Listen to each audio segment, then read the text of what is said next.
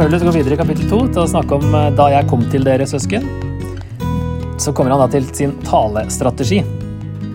For da han kom, så var det ikke med fremragende talekunst eller visdom jeg forkynte Guds mysterium. For jeg hadde bestemt at jeg ikke ville vite av noe annet hos dere enn Jesus Kristus og ham korsfestet. Svak, redd og skjelvende opptrådte jeg hos dere. Jeg forkynte ikke mitt budskap med overtalende visdomsord, men med ånd og kraft som bevis. For deres tro skulle ikke bygge på menneskelig visdom, men på Guds kraft. Så det han har sagt i kapittel 1, viste seg også i fremtredenen hans da han kom til Korint første gang. Han valgte med vilje denne metoden for ikke å fremstå som en kanskje først og fremst en sofistisk filosof. Det var en gruppe filosofer da, som het sofister, som det virker som er de han eh, anklages av i andre korinterbrev. Kanskje tydeligere der, da. Men eh, de var jo veldig opptatt, filosofer generelt, men kanskje sofistene aller mest, opptatt av eh, å fremstå perfekt og flott og talekunst. ikke sant? Flotte taler. Ta penger, ikke minst, for talene sine. Eh, så Paulus avsto fra alt. Han jobba sjøl, ville ikke ha noe penger. Det kommer han til i kapittel 9. ikke sant? Han ga opp de rettighetene. Og ville jo ikke da legge fram evangeliet på en sånn veldig flott eh, retorisk måte. La det bort med vilje.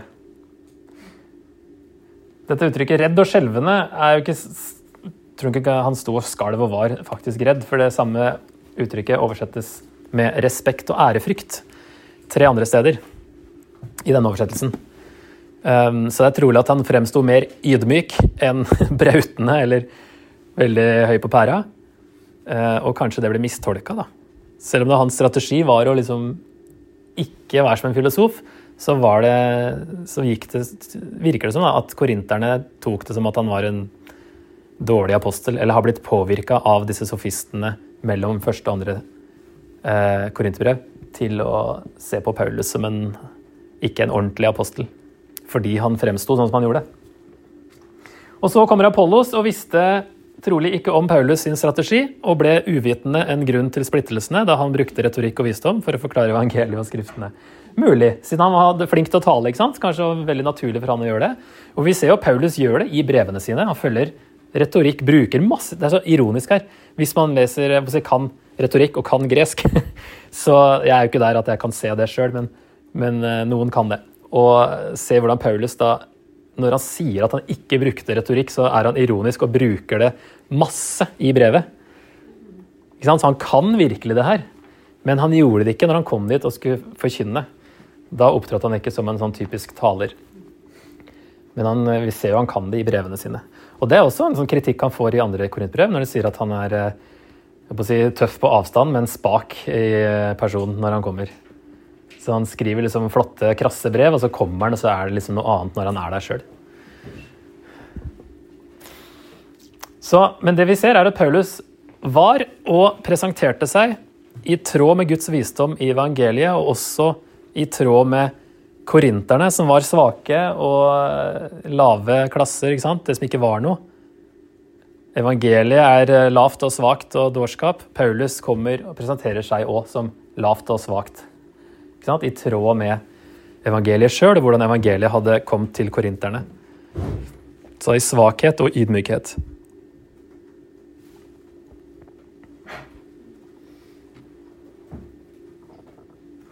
Kanskje han var bedre til å skrive enn til å tale. Det er jo mulig, det. Det er vel det de sier da, i 2. Korinter 10.10. Ellers er det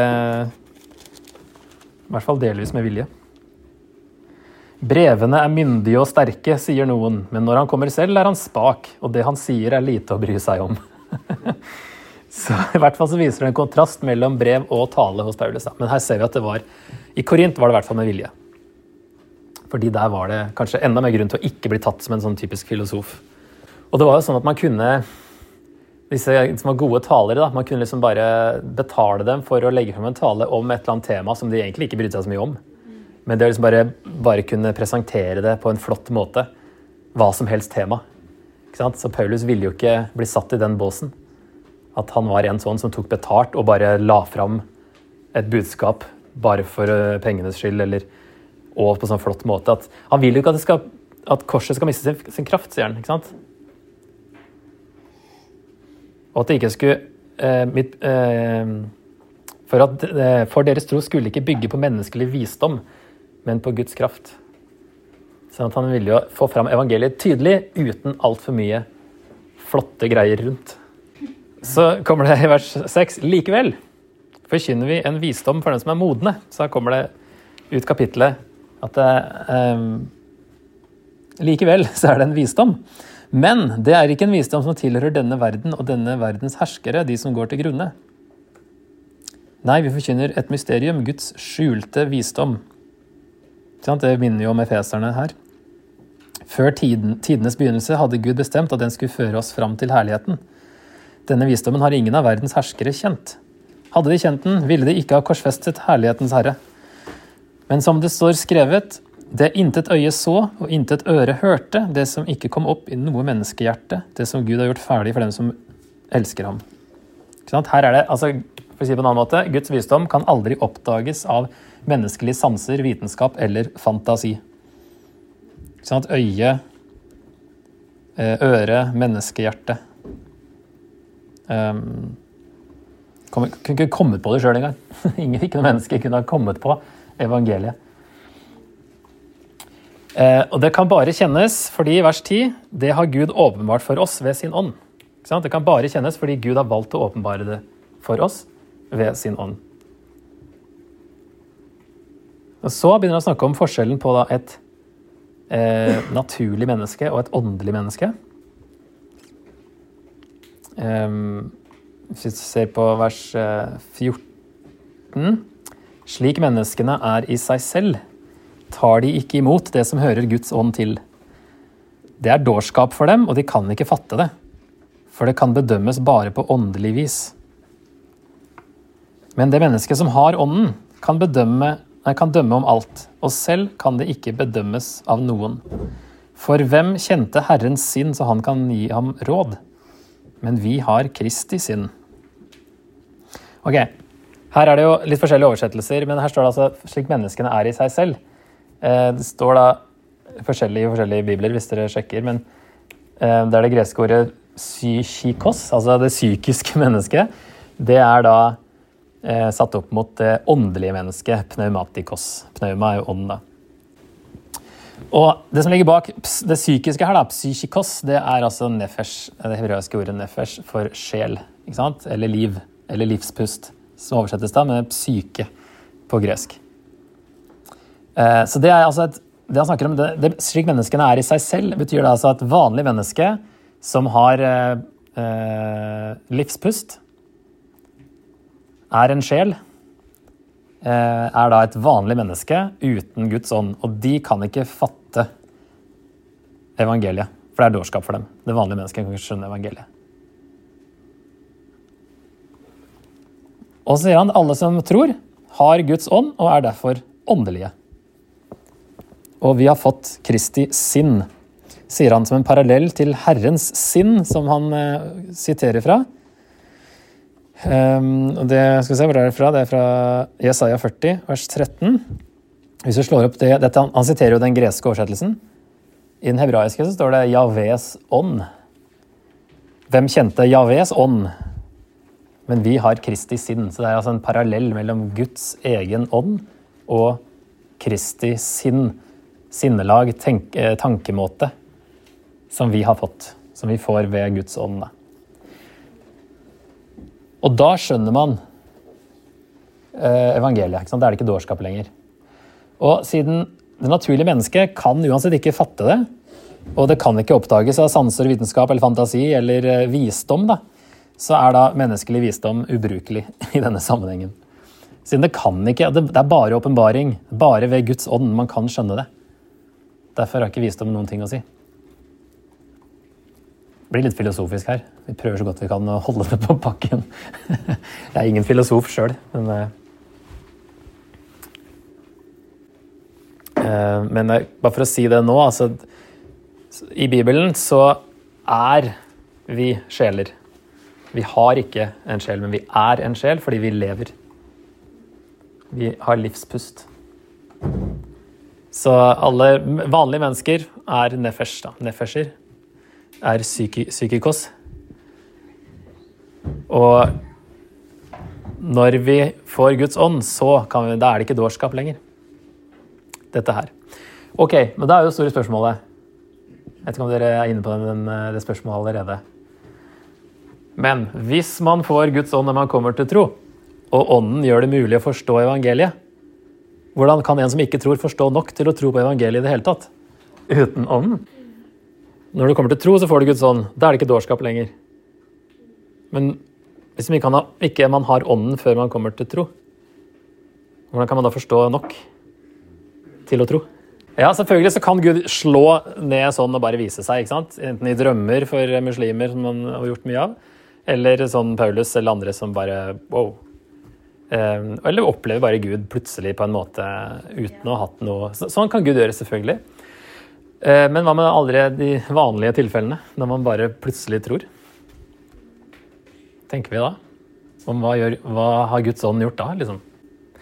Jeg, jeg syns vi fikk litt sånn løsning da, i Johannes 16. Når han kommer, altså talsmannen, ånden, skal han gå i rette med verden og vise den hva synd er hva rettferdighet er, og hva dom er. Synden er at de ikke tror på meg.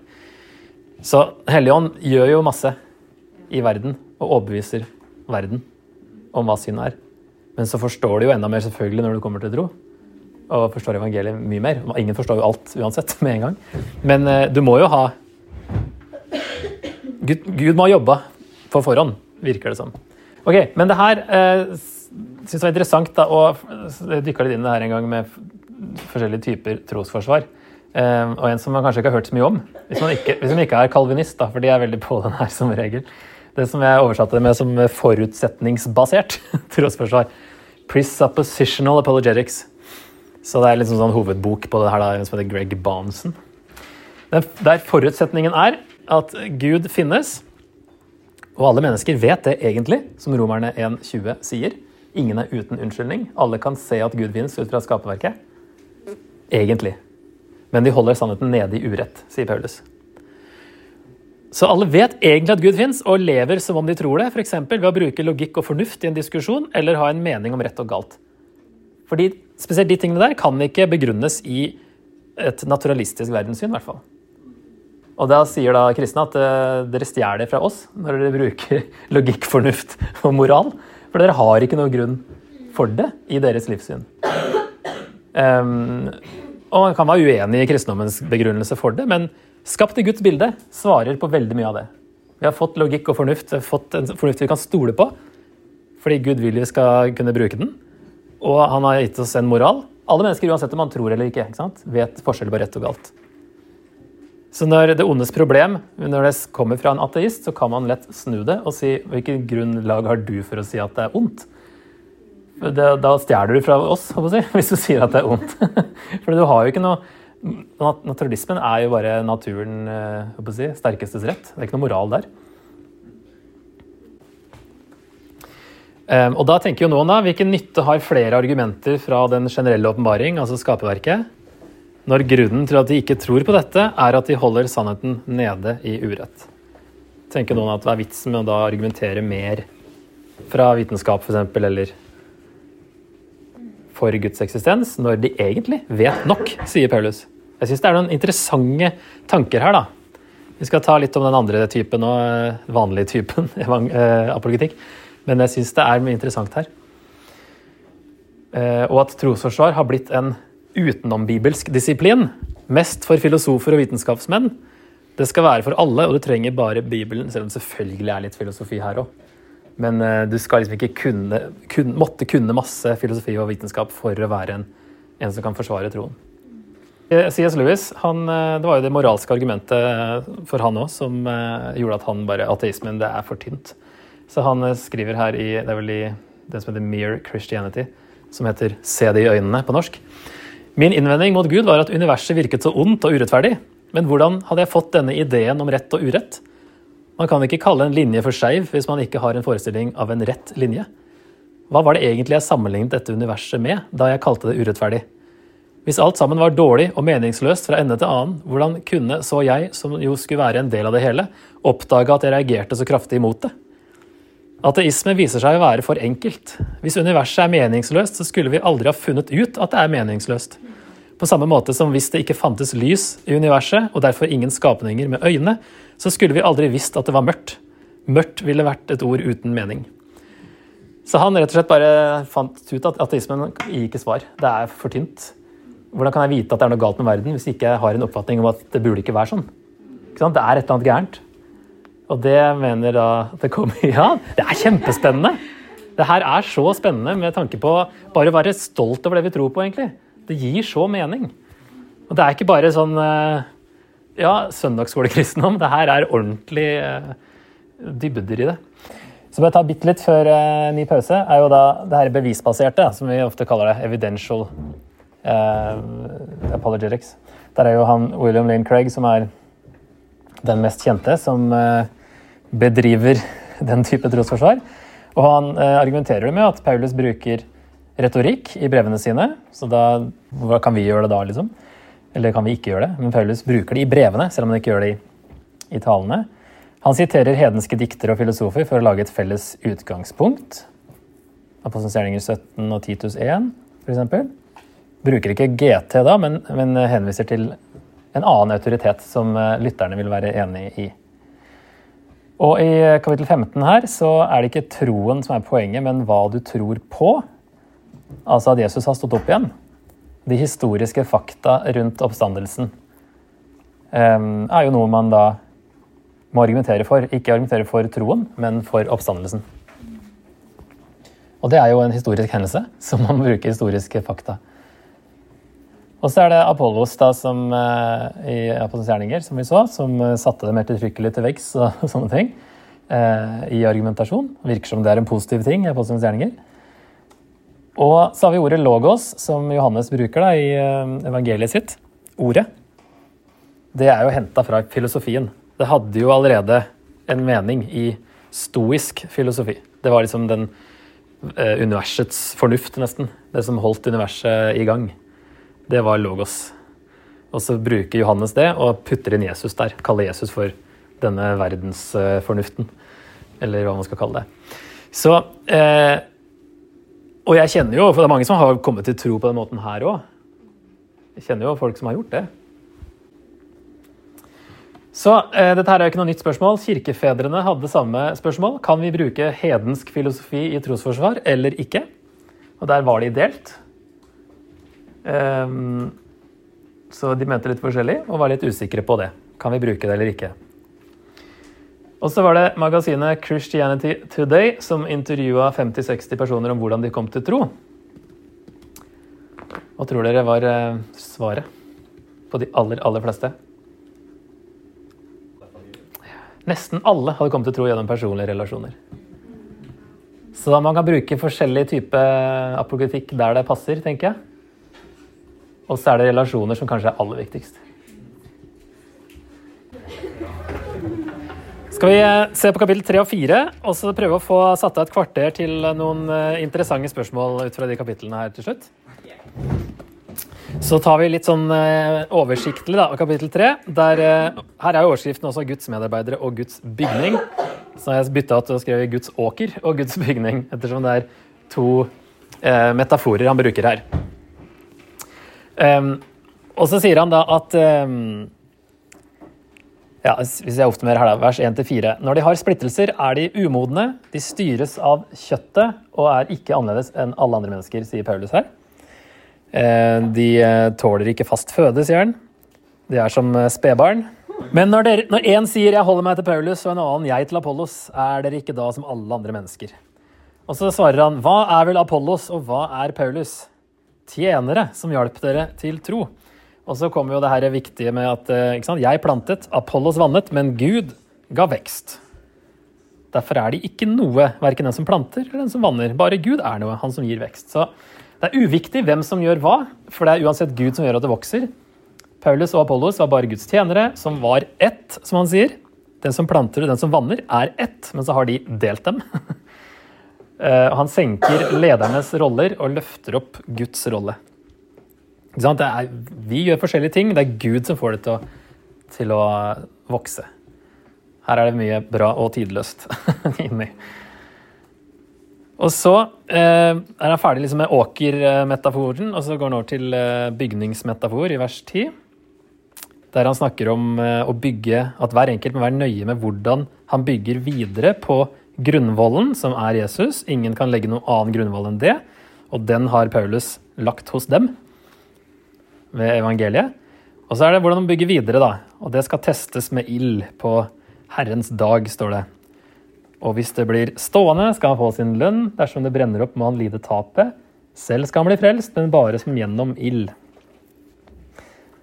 Um, så her er det trolig i kontekst av menigheten fortsatt, da, at det ikke er hva vi bygger individuelt i våre liv, men menigheten snakker om kollektivt. Hvordan man bygger videre på grunnvollen som er Jesus. Alt byggverk skal prøves på Herrens dag, men det påvirker ikke frelsen.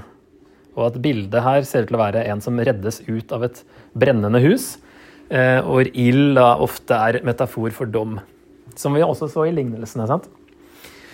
Og at verdens visdom ville ikke bestå den testen her, da, er jo det han egentlig snakker om. Det å bygge med visdom, verdslig visdom på eh, fundamentet Jesus, det vil brenne opp, gå til grunne, som verdens visdom skal gjøre. Og så kommer noen kanskje litt mer kjente vers. Vet dere ikke at dere er Guds tempel, og at Guds ånd bor i dere? Dersom noen ødelegger Guds tempel, skal Gud ødelegge ham.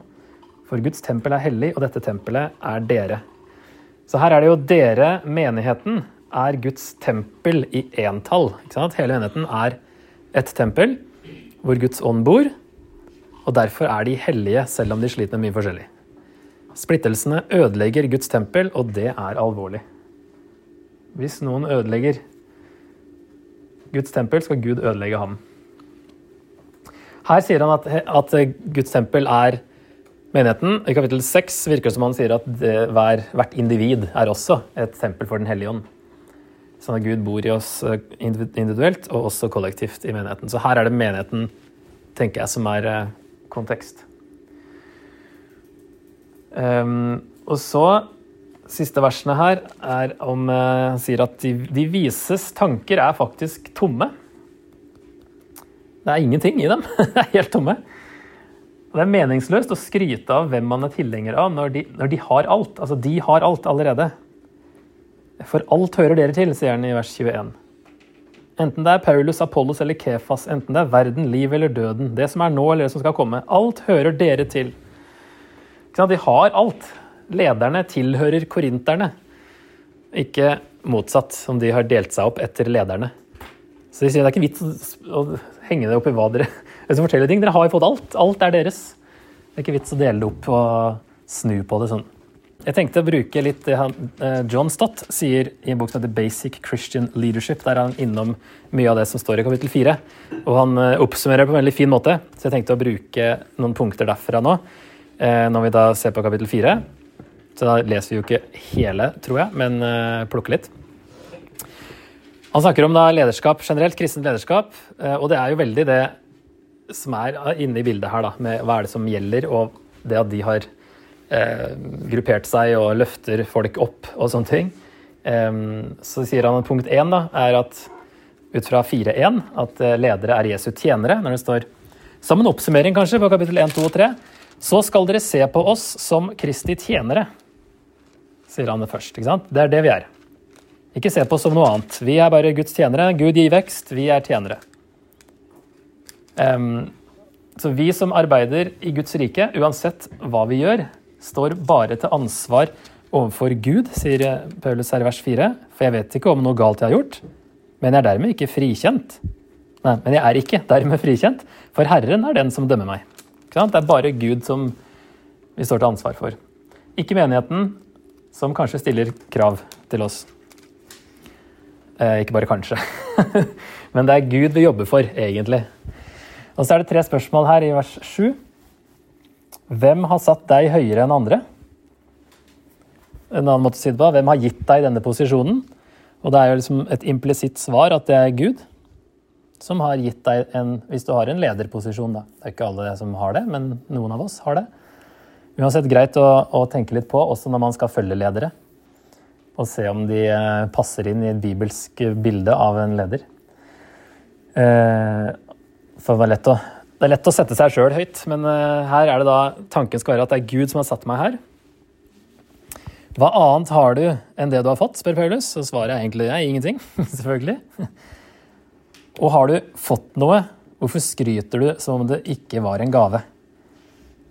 Og da er det da at all selvopphøyelse er absurd i Guds rike, sier John Stott. Mens en som heter Mike Todd sa en gang at uh, 'leader means only lead servant'. Det er hovedtjener når du er en leder. Um, så det å sette, løfte seg sjøl opp er absurd, for du har bare fått det fra Gud, og det er uh, Du er en tjener. Så vi er Jesu tjenere, ikke opphøyde ledere. Det var første punkt. Det er fire punkter her, da. Én slide hver, tror jeg. Så det han sier i neste i vers, eh, fortsett den setningen, da, så skal dere se på oss som Kristi tjenere og forvaltere av Guds mysterier. Av forvaltere kreves det at de viser troskap. Ok, nummer to, da. Eh, at ut fra vers 1 og 2 at ledere er forvaltere av Guds mysterier, som han sier. Og det kreves at de viser troskap. Menighetsledere er først og fremst lærere virker det som i 1. Timoteus 3, i den lista der. Når Timoteus skal utnevne eldste, så må han være dyktig til å undervise. Og Det samme sier han til Titus, tror jeg. Ehm, det handler om å undervise. Og dersom man forkynner og underviser, så er det Guds budskap man skal legge fram. Det er ikke vårt ansvar å finne opp eller lage vårt eget budskap. Og så må vi vise tro, trofasthet i den oppgaven vi har fått, uansett hva det er. Og så er det sitatet som han John Stott her. Så la oss eh, bestemme oss for å være trofaste og utvikle disiplinerte studievaner og studere både det eldgamle ordet og den moderne verden. Det er jo noe han er kjent for, det som kalles double listening. Å lytte til ordet og lytte til verden og kunne finne ut hva er det ordet sier til verden, eller få det til å bli relevant. da. Så der får vi noe av det som han liksom er mest kjent for. da. Eh, for å relatere det ene til det andre. Og aldri bevisst vri eller forvrenge eller være ulydige mot Skriftens lære. Så for å oppsummere det punktet her vi skal være trofaste i oppgaven å legge fram Hans ord. Guds mysterier. Det er det ikke alle som forkynner, men uansett hva vi gjør, så må vi vise trofasthet i oppgaven som vi har fått. Så et uh, sitat her av en som heter uh, Donald Coggan, tidligere erkebiskop av Canterbury. Den kristne forkynneren har en grense satt for seg. Når han kommer opp på talerstolen, er han ikke en helt fri mann. Det kan sies om ham at den allmektige har satt opp grensene som han ikke skal overskride. Han står ikke fritt til å finne opp eller velge budskapet sitt. Det er blitt overlatt til ham, og det er opp til ham å erklære, forklare og gi det til sine tilhørere. Det er en stor ting å komme under evangeliets storslåtte tyranni. evangeliet skal styre oss. Har, ikke, gå, ikke gå utover. Og det sier Paulus her. Så ingen skal gå utover det som står skrevet, sier han i vers 6. Eh, Litt sånn eh, diffust hva er det han mener med det? Er det Gammeltestamentet, eller er det alt mulig si, som er skrevet så langt? Eller um, litt forskjellige tolkninger på det. Men jeg tror nok det i hvert fall gjelder for oss nå, at vi, når vi står på talerstolen, skal vi i hvert fall ikke gå utover det Bibelen sier. Og da er det det, ja, men det har blitt gjort mange ganger. Så derfor er det viktig å starte å holde seg til Bibelen. Starte med å holde seg til. Ok, Nå kommer vi til eh, tredje. da. Ledere er som avfall for alle. Yes. Vers åtte. Altså, han begynner også litt ironisk her, da. Men dere er allerede så mette. Dere er alt blitt så rike. Dere er blitt konger. Men uten oss ja, Var dere bare blitt konger, så kunne også vi hersket sammen med dere. De er jo ikke konger, sier han her, men de tror det. Men for meg ser det ut som, at, eh, som om Gud har satt oss apostler aller nederst. Vi er som dødsdømte, stilt fram som et skuespill for verden. Både for engler og for mennesker.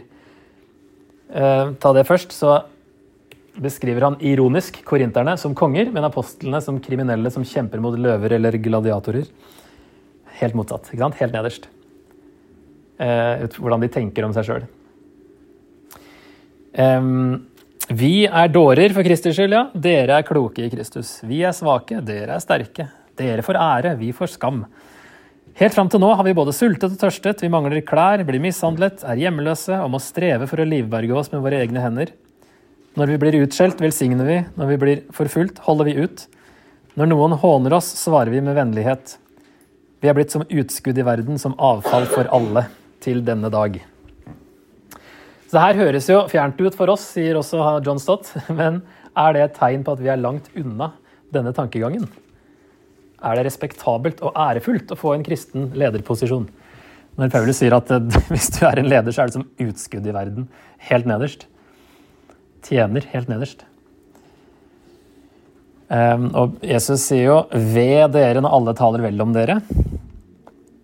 Ikke sant? Vi skal ikke forvente Eller det er, det er noe, noe, som er feil hvis vi er populære. Og så sier også Stott at uh, jeg tviler på om det er mulig å være populær og trofast på samme tid. Vi må være klar for å være upopulære og møte motstand fra andre kristne. Også, ikke bare fra verden, men også fra andre kristne når man er en leder. Nummer fire ledere er menighetens foreldre. Når han kommer til vers 14 eh, Jeg skriver ikke dette for å gjøre dere skamfulle, men for å vise dere til rette som mine elskede barn. For om dere har tusen lærere i Kristus, har dere ikke mange fedre. Det var jeg som ble deres far i Kristus Jesus da jeg ga dere evangeliet. Så han, De har mange lærere, og lærere får betalt. En far derimot motiveres av kjærlighet, og bare Paulus er deres åndelige far, han som plantet menigheten. Han snakker ikke om en fars autoritet når Jesus sier i Matteus 23 at vi ikke skal kalle noen for far på jorda og sånne ting, og ha en spesiell autoritet mellom oss og Gud. Vi står alle på lik linje. Men en fars kjærlighet for sine barn. En far har et nærere forhold til dem til korinterne her da, enn en lærer. Så eh, Tydelig sannhet er at det må være kjærlighet som motiverer oss. Vi er heldige hvis vi får betalt for å jobbe i Guds rike, men pengene må aldri bli motivasjonen. Um, så sånn han da runder av det her. Så eh, konklusjonen til Stott blir da at vår lederskapsmodell er ofte formet mer av kultur enn av Jesu tjenende lederskap. Hvis det her var liksom uvant, noe av det, og rart å tenke på. Det Paulus skriver her, er det motsatte av hva man ofte tenker om en leder i verdslig sammenheng, både i Korint den gangen og i dag. Og så har han et sitat her. Fellesnevneren for alle fire er ydmykhet. Ydmykhet foran Kristus, som vi er underordnet. Ydmykhet overfor Skriften, som vi er forvaltere av. Ydmykhet overfor verden, som vil møte oss med motstand. Og ydmykhet overfor menigheten, som vi skal elske og tjene. Så jeg syns det var en veldig fin vinkling på kapittel fire mye nyttig med lederskap. Her er tre spørsmål, eller tre tidløse sannheter med noen spørsmål på hver, så får du bare velge det som eh, treffer mest, kanskje. Ehm, følg Jesus, ikke mennesker. Vi følger Jesus, ingen andre. Det er Gud som gir vekst, ikke mennesker. Har jeg løftet en kristen leder eller kirkesamfunn for høyt? På hvilke måter gjør vi dette, og ikke minst hvorfor gjør vi dette? Det skjer jo så ofte. Hvorfor? Hvilke tanker gjør det deg om kristent lederskap etter disse kapitlene? Nummer to splittelse er umodent. Hvordan kan jeg jobbe for enhet blant alle kristne? Bidrar jeg ubevisst til splittelse eller grupperinger? Henger jo kanskje litt sammen med forrige òg, hvis man eh, følger folk, sånn som de gjør her. Og tredje, verdens visdom er ubrukelig når det gjelder frelse. Evangeliet har alltid blitt sett på som latterlig. Har jeg prøvd for mye å fremstå som en intellektuell kristen på bekostning av evangeliets innhold? Altså, Er jeg villig til å bli latterliggjort, kan vi jo putte inn der, for det vi tror på? Prøver vi å presentere evangeliet med verdens visdom?